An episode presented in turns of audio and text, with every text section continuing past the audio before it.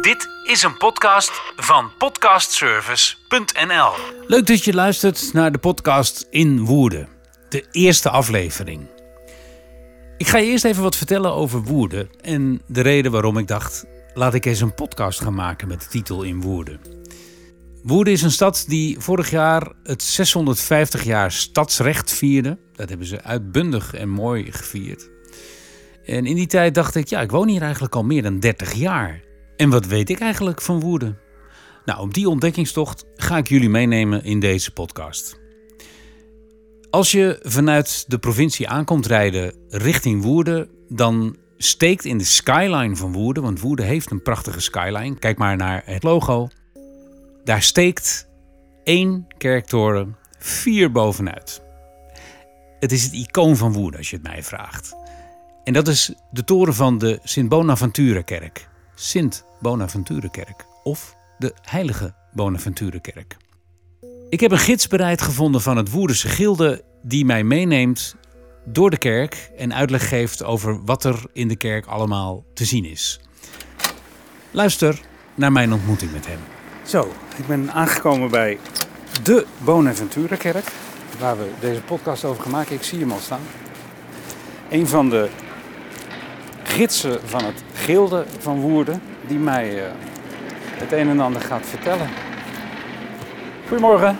Goedemorgen. Hoi, Erik. Erik, Norbert. Hoi, wat leuk dat je tijd voor me hebt. Ja, Ja, het is eh, toch een beetje een sombere dag, dus eh, we gaan eh, dadelijk maar de kerk in, hè. mooi, ja. En, eh, Kan je, kan je vertellen, jij doet het vanuit het eh, Gilde. Ja, Jullie zijn, jullie zijn een gilde en, en daar zijn gidsen eh, die rondleidingen geven. Wil je daar iets over vertellen? ja, dat klopt.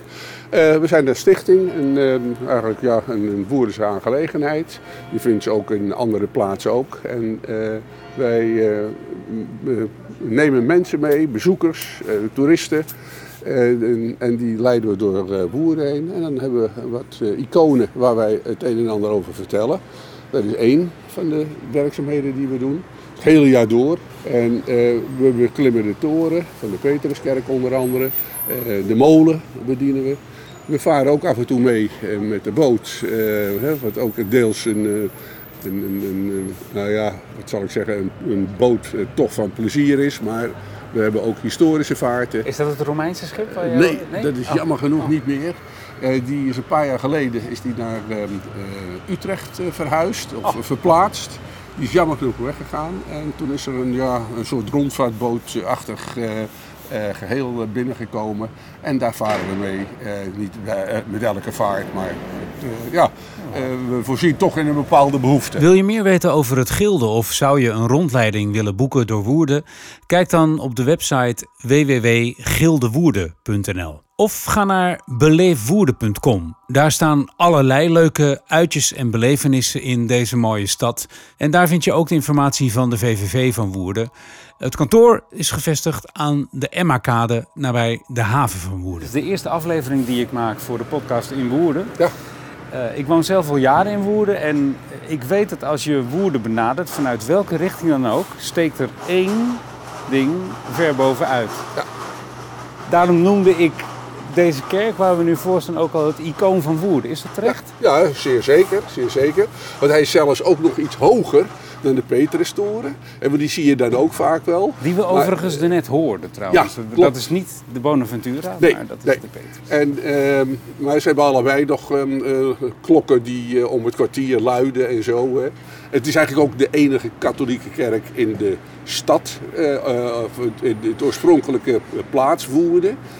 En met de, binnen de gemeente heb je inmiddels ook, de, annexatie van kleinere plaatsen, heb je nog wel meer katholieke kerken. Maar eigenlijk was dit de, enige katholieke De kerk. Petruskerk, waar Norbert het net over had, staat op het Kerkplein in Woerden. Daar komen we in een latere podcast wellicht nog een keer op terug. Maar je kan hem wel zien in de skyline van Woerden. Kijk maar naar het logo. Voor we naar binnen gaan, wilde Norbert nog even iets vertellen over de ingang. Eh, kijk, waar wij hier voor de deur staan, eh, dat zien we op de eerste plaats een afbeelding in een, beeld gegoten, als het ware, eh, de Bonaventura. Dat is een kerkleider uit de vroege tijd. Daar is deze kerk naar genoemd. En hier staat Sint Bonaventura. Om duidelijkheid te scheppen, even iets meer over Bonaventura. Bonaventura was eigenlijk Giovanni di Fidanza uit Italië en hij studeerde theologie in Parijs. Hij is in 1482, dat is zo'n 208 jaar na zijn overlijden, heilig verklaard door Paulus Sixtus IV. Vandaar dus Heilige Bonaventura. De kerkgemeenschap die noemt zichzelf de H. Bonaventura kerk, de Heilige Bonaventura kerk. Maar wat we hier in ieder geval zien, eh, Domus Dei en Porta Celi, Huis van de Heer en Poort naar de hemel. Ja, laten we naar binnen gaan. Eenmaal binnen in de kerk vertel ik Norbert dat ik zelf eigenlijk alleen maar tijdens vakanties, als we bijvoorbeeld een stad ingaan, uh, kerken ingaan, het nodigt toch uit. Je wilt toch zien wat voor pracht en praal of hoe de inrichting is, hoe het klinkt. Een kerk kan ook heel mooi stil zijn, heel mooi doorklinken. Uh, en dat is ook in Woerden. Ook zelfs van Woerdenaren. Van, ik ben nog nooit eigenlijk in deze kerk geweest. Vooral als je niet van de katholieke In de kerk komt een man naar ons toe die daar plaats had aan een tafel en mensen ontvangt die de kerk willen bezichtigen. Um, en Norbert vraagt hem naar wat er bijzonder is aan de vloer. Als je de kerk binnenkomt, sta dan even stil, kijk naar de vloer voor je, net na de ingang. Daar ligt een soort van mozaïek labyrint. Dat labyrint, dat kan je volgen. Ik moet je zeggen, het zijn kleine pasjes die je moet maken, kleine stapjes die je moet maken.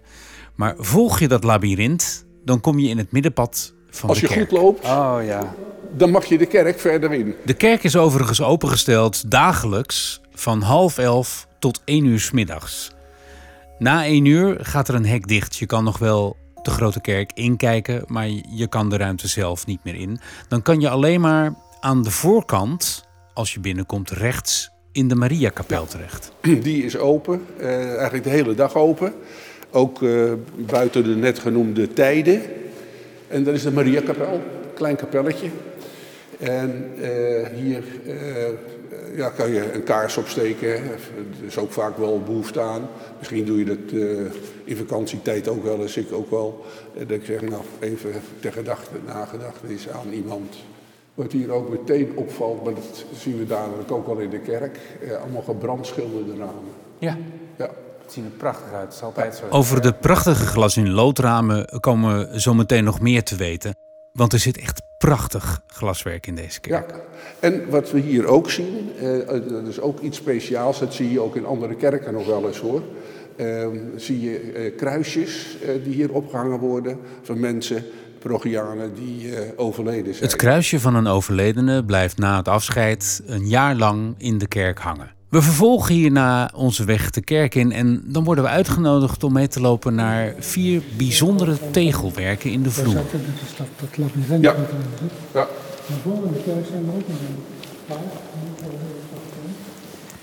Dit is een prachtige tegelvloer. Ja. Het gaat dus over de, waar we nu overheen lopen, de bijzondere, noem je rosette?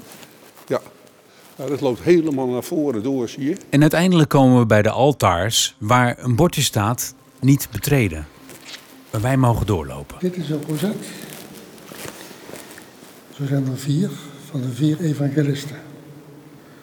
En dat is Johannes, wat als een adelaar. Op de grond zien we een vierkant tegelwerk met daarin rond afgebeeld Johannes als een adelaar. Het is prachtig om te zien en je mag er dus officieel als bezoeker niet komen, dus sla dit op. Lucas. Lucas als een stier voorgesteld.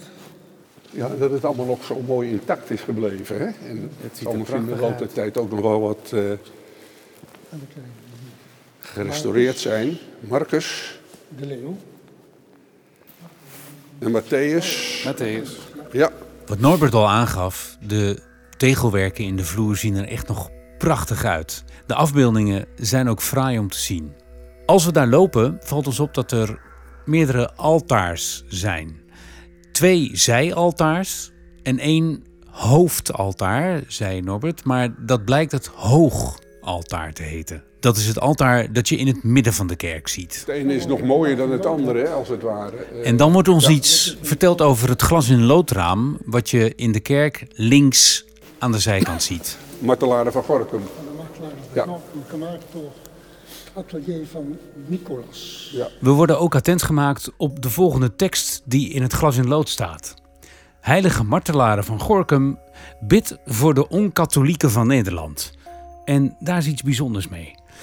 Maar er staan ook jaartallen en daar zit 50 jaar tussen. Ja. En dat heeft een reden. 1867 toen zijn de martelaren van Gorkum heilig verklaard. Ja.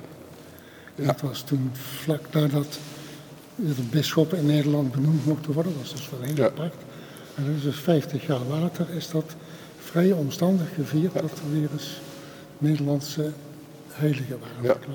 De tekst waar we het net over hadden, diezelfde tekst, die is ook te vinden in de Nicolaasbasiliek in Amsterdam. Ja, dus Nicolaaskerk, dat is vlakbij het eh, Centraal Station in Amsterdam. Ja. Ja. Eh, en dan loop ik er even al voorbij aan, ehm, aan de, de staties. Dat die uit een kerk komen in Den Haag. De heilige martelaren van Gorkum. Eh, Het, heeft, het een heeft niks met het andere te maken, maar wel ja, de, de naamstelling. eh, Dit gaat over de heiligen van eh, de martelaren eigenlijk. En die staties in marmer uitgevoerd, eh, die hangen hier nu. Dat zijn niet oorspronkelijk. Ik moet even toelichten dat Norbert doelt op de staties die aan weerskanten in de kerk te zien zijn. Het zijn een soort En schilderijen. daar staat eigenlijk, wordt daar, er zijn veertien ehm, eh, ja, schilderijen als het ware. Soms zie je ze ook wel als schilderij, maar kunstuitbeeldingen. Eh, ja, en, ehm, maar deze zijn dan in marmer. Veertien stuks. En daar staat eigenlijk het eh, verhaal, wordt daar weergegeven, het lijdensverhaal eh, van Christus. Deze kruiswegstaties spelen ook een belangrijke rol bij de paasviering. Veelal gaat dan de pastoor voor en loopt langs alle staties, ofwel beeldhouwwerken die gemaakt zijn in marmer.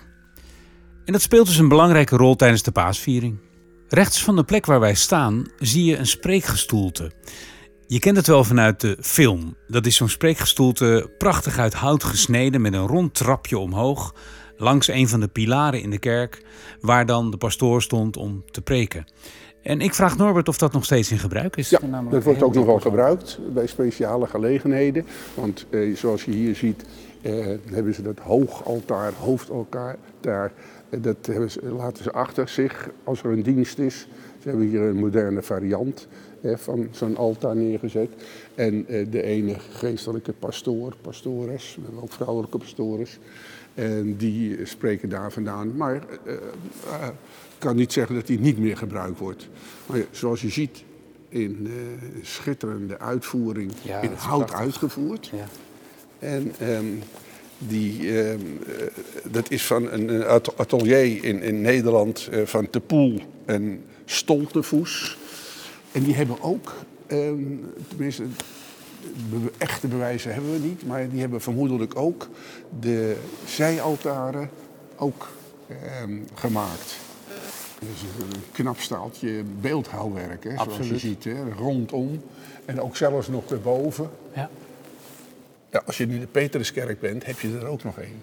Maar dat is eigenlijk een apart verhaal, want daar is het katholieke geloof eigenlijk begonnen.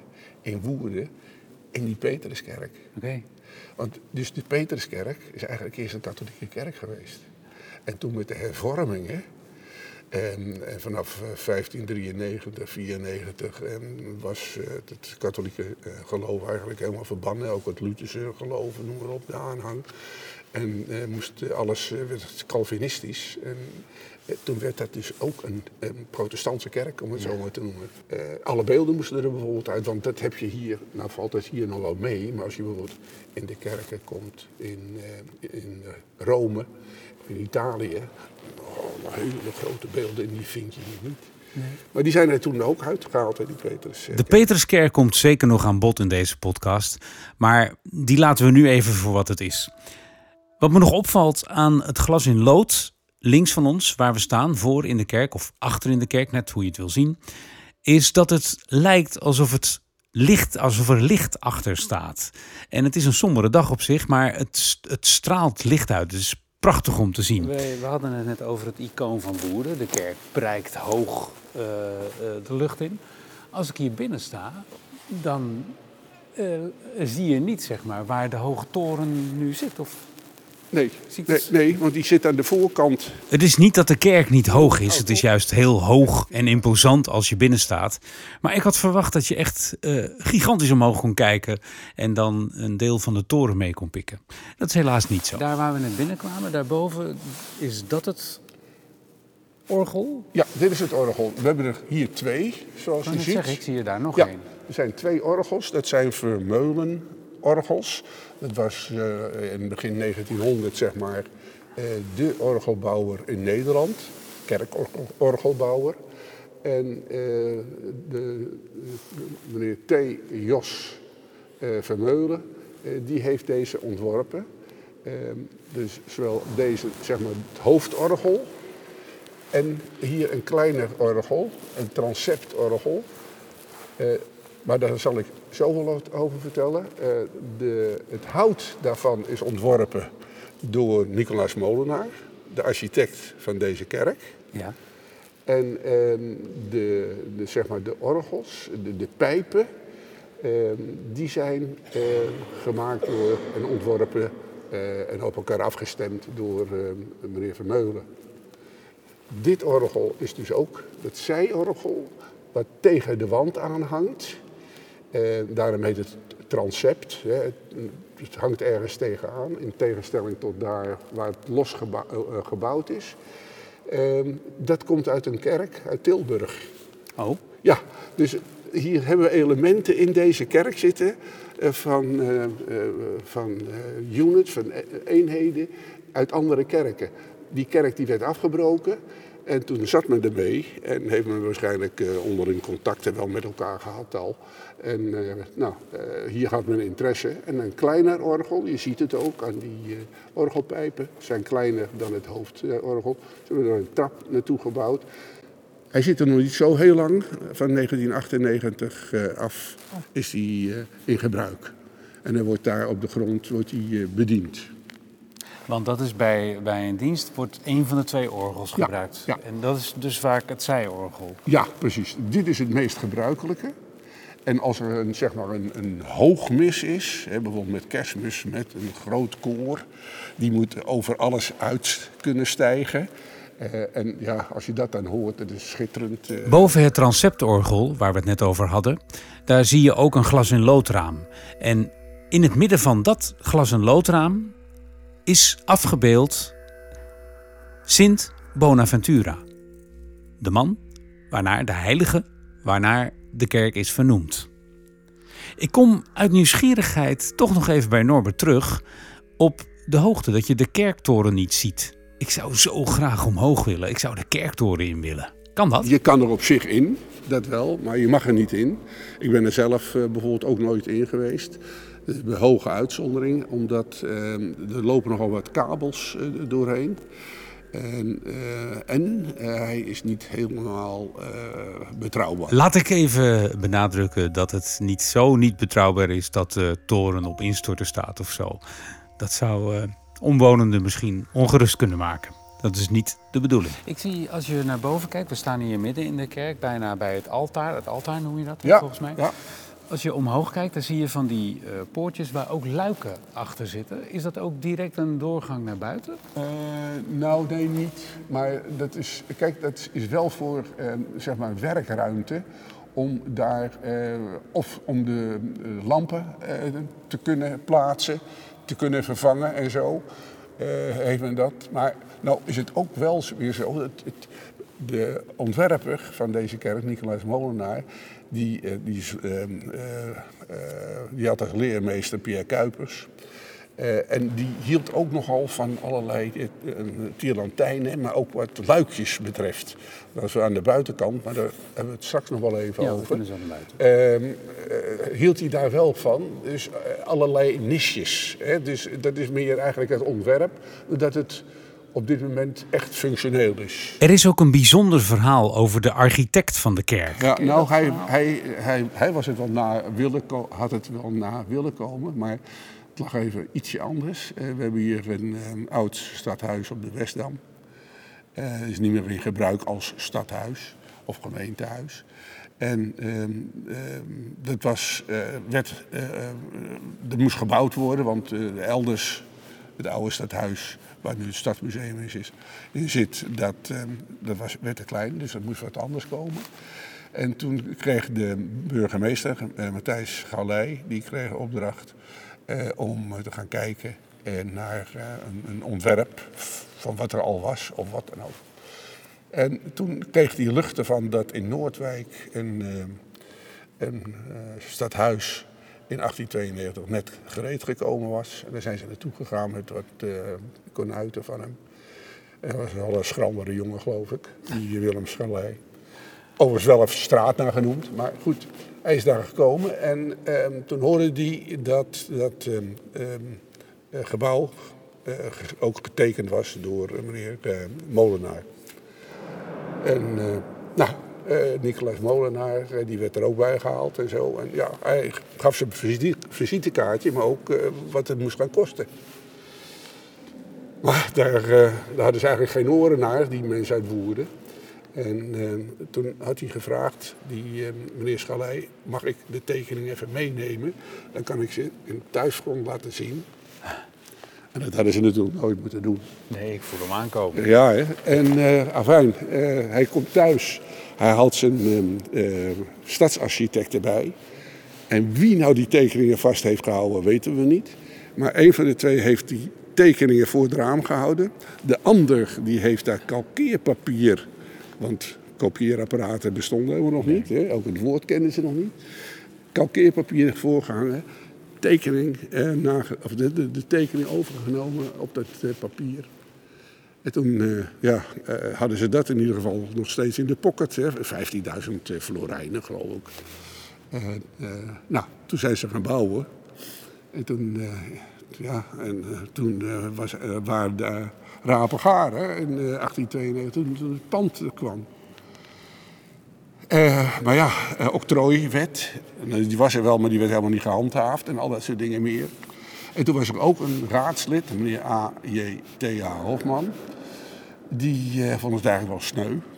Maar die zat ook hier in de kerk, of de, de katholieke gemeenschap in Woerden. En die zei van, joh, tegen die Nicolaas Molenaar, ik ga het goed met je maken.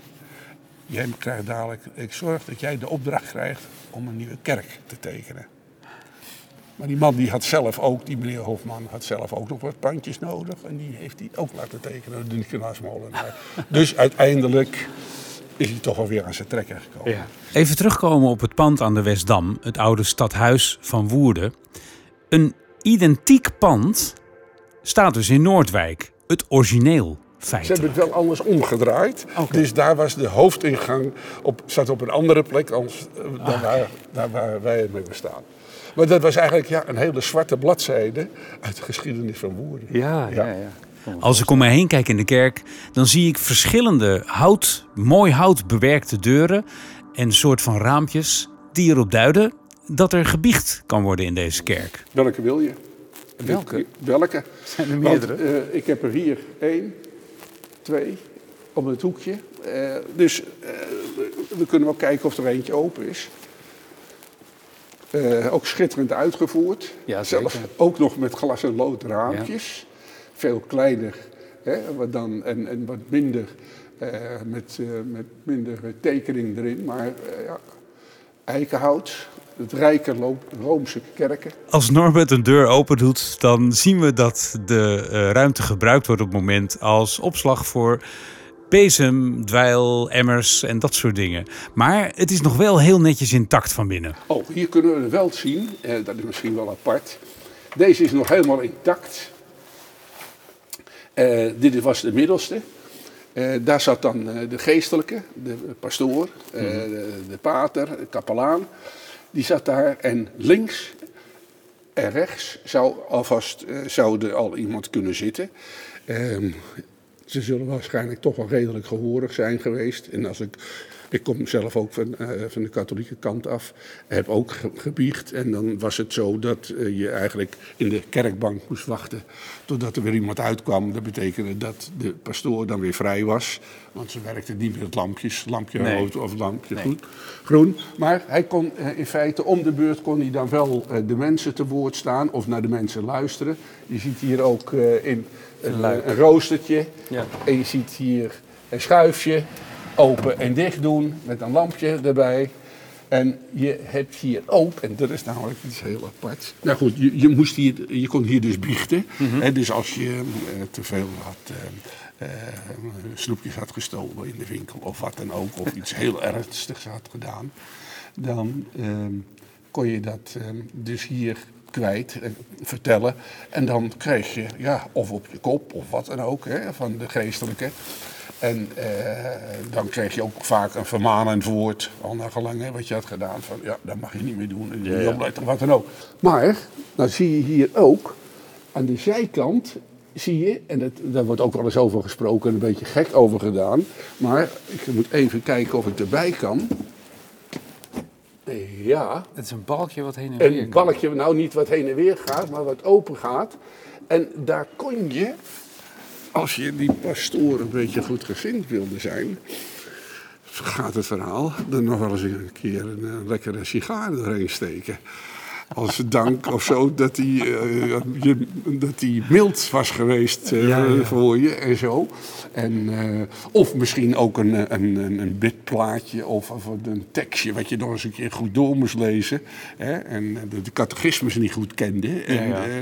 Eh, maar goed, dat, eh, dat had je dus hier. Dat is een stiekem Aan de andere kant had je dat niet. Dus Je moest aan de goede kant gaan eh, zitten. ja, eh, ja, Maar dat wisten waarschijnlijk degenen die daarvan gebruik van willen ook maken. wel, ja, zeker. Ja. Nou, zo ehm, in, in, in hoogtijdagen zaten er op bepaalde momenten dus verschillende geestelijke. En eh, ja, kon je misschien ook wel kiezen, dat weet ik ook niet meer. Eh, ik had meestal een, een vaste biechtvader.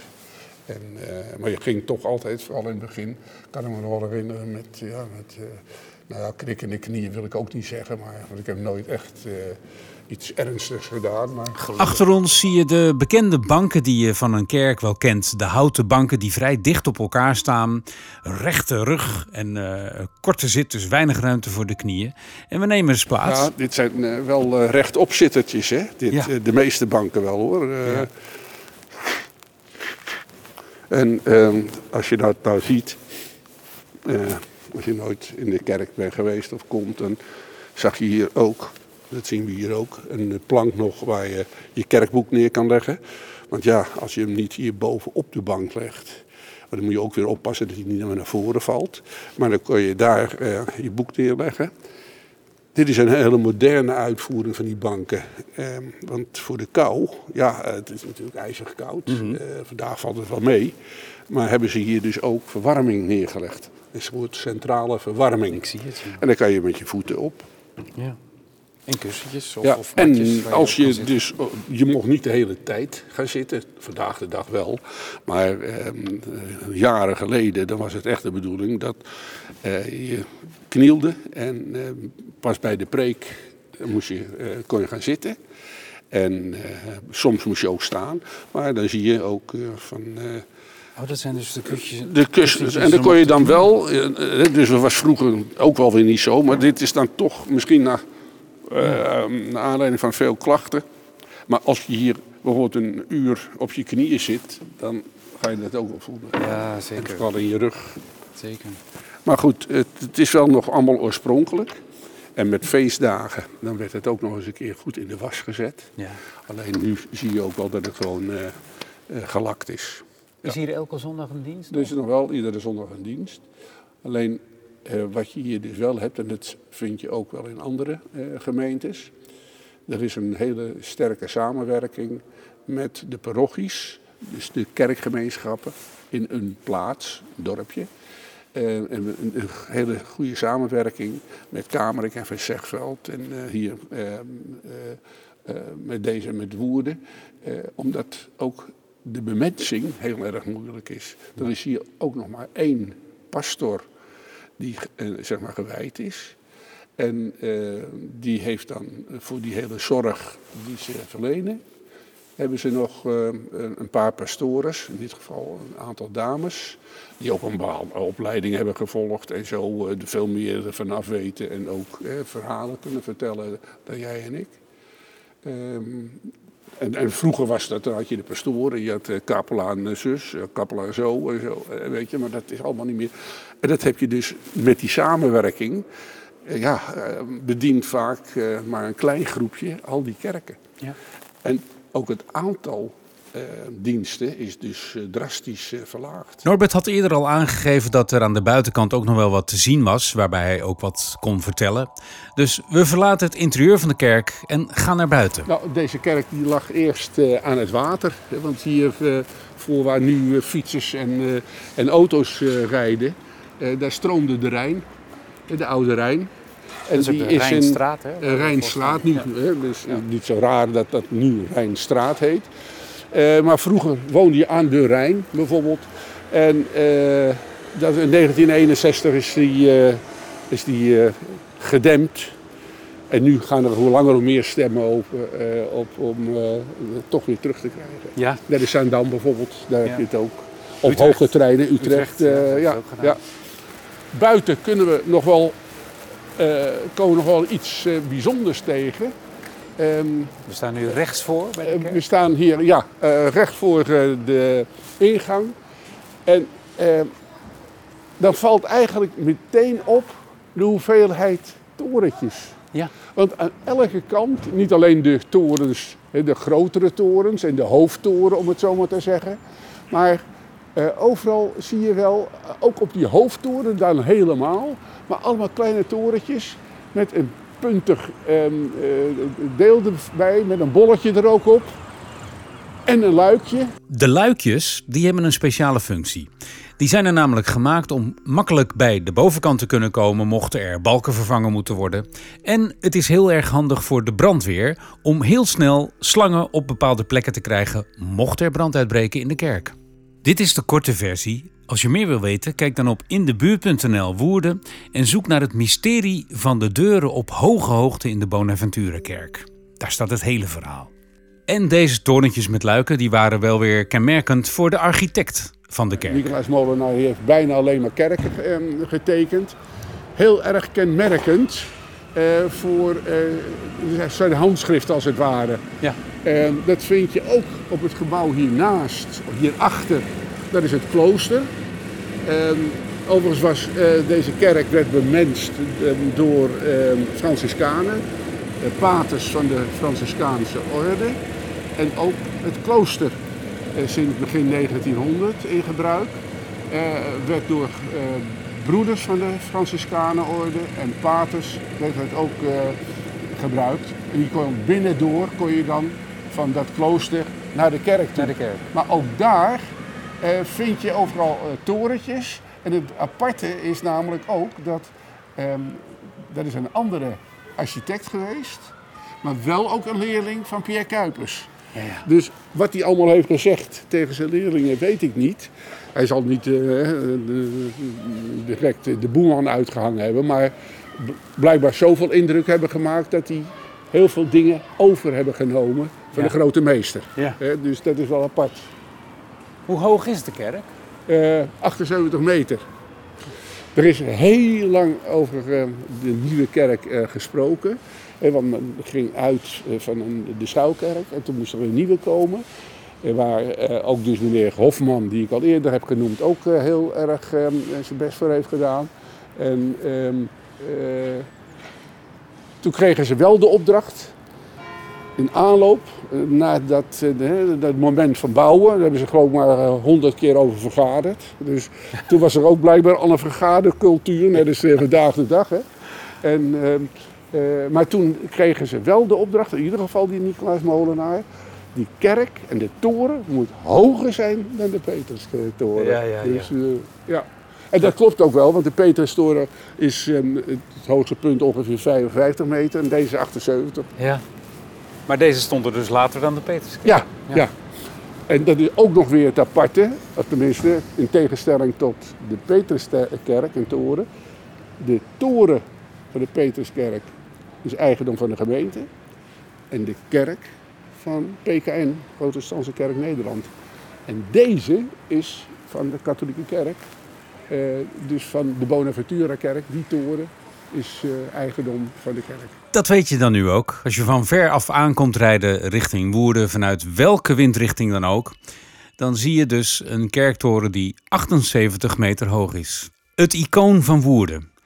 Natuurlijk heeft de kerk ook klokken. Ja, de klokken. Daar hangt er eentje van 1800 eh, kilo en een van 900. En die luiden nog iedere keer.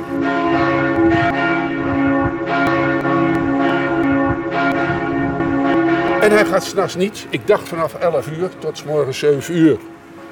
Luidt hij dus niet. Tegenwoordig is het allemaal elektrisch bediend. Hè? Dus, uh, want in sommige kerken heb je dat nog wel dat het echt nog met de hand wordt gedaan. Ja. En dat is ook, ja, dat heeft ook wel wat. Ik stel Norbert voor om eens een rondje om de kerk te doen. Ja, je hebt ook een zijingang. Dus bij, um, uh, wanneer uh, de kerk echt barstensvol is, uh, wat het vroeger echt wel was. Want dan had je wel met kerstmis had je, wel, wel drie diensten in de, op de avond en zo. En die zaten allemaal hartstikke vol. Je moest ook kaarten hebben om dan naar binnen te gaan. En nou ja, goed, het geld dat ging dan weer in het onderhoudsfonds. Maar dan kon je hier ook aan de zijkant eruit. Iets verderop zie ik een bord staan waarop heel groot staat De Dam. Norbert legt uit wat dat is. Uh, dat is een ontmoetingsruimte. Uh, wordt, uh, zondags na de dienst wordt daar koffie geserveerd. Tegen een kostendekkende vergoeding. heel, heel minimaal is dat allemaal. Er worden lezingen gegeven. Je kan daar die ruimte huren. Ja. En vanuit dat klooster, wat er dus achter staat, de Beulmansweg, waar we nu uh, langs lopen. Ja. Daar kon je dus uh, via de, de, de, Dam kon je dus naar de kerk. Ja. Hallo. Wat opvalt hè, aan de buitenkant, we hadden het binnen over het glas in lood, waar het lijkt alsof er licht achter ja. schijnt. Zo, zo mooi zijn de kleuren. Aan de buitenkant is het grauw. Ja, ja is het grauw. Ja. Nou ja, Daar zie je dus de kleuren van het glas in lood niet. Nee, nee, nee. Nee, maar omdat het daar weer donker is, je hebt natuurlijk toch wel uh, wat licht nodig.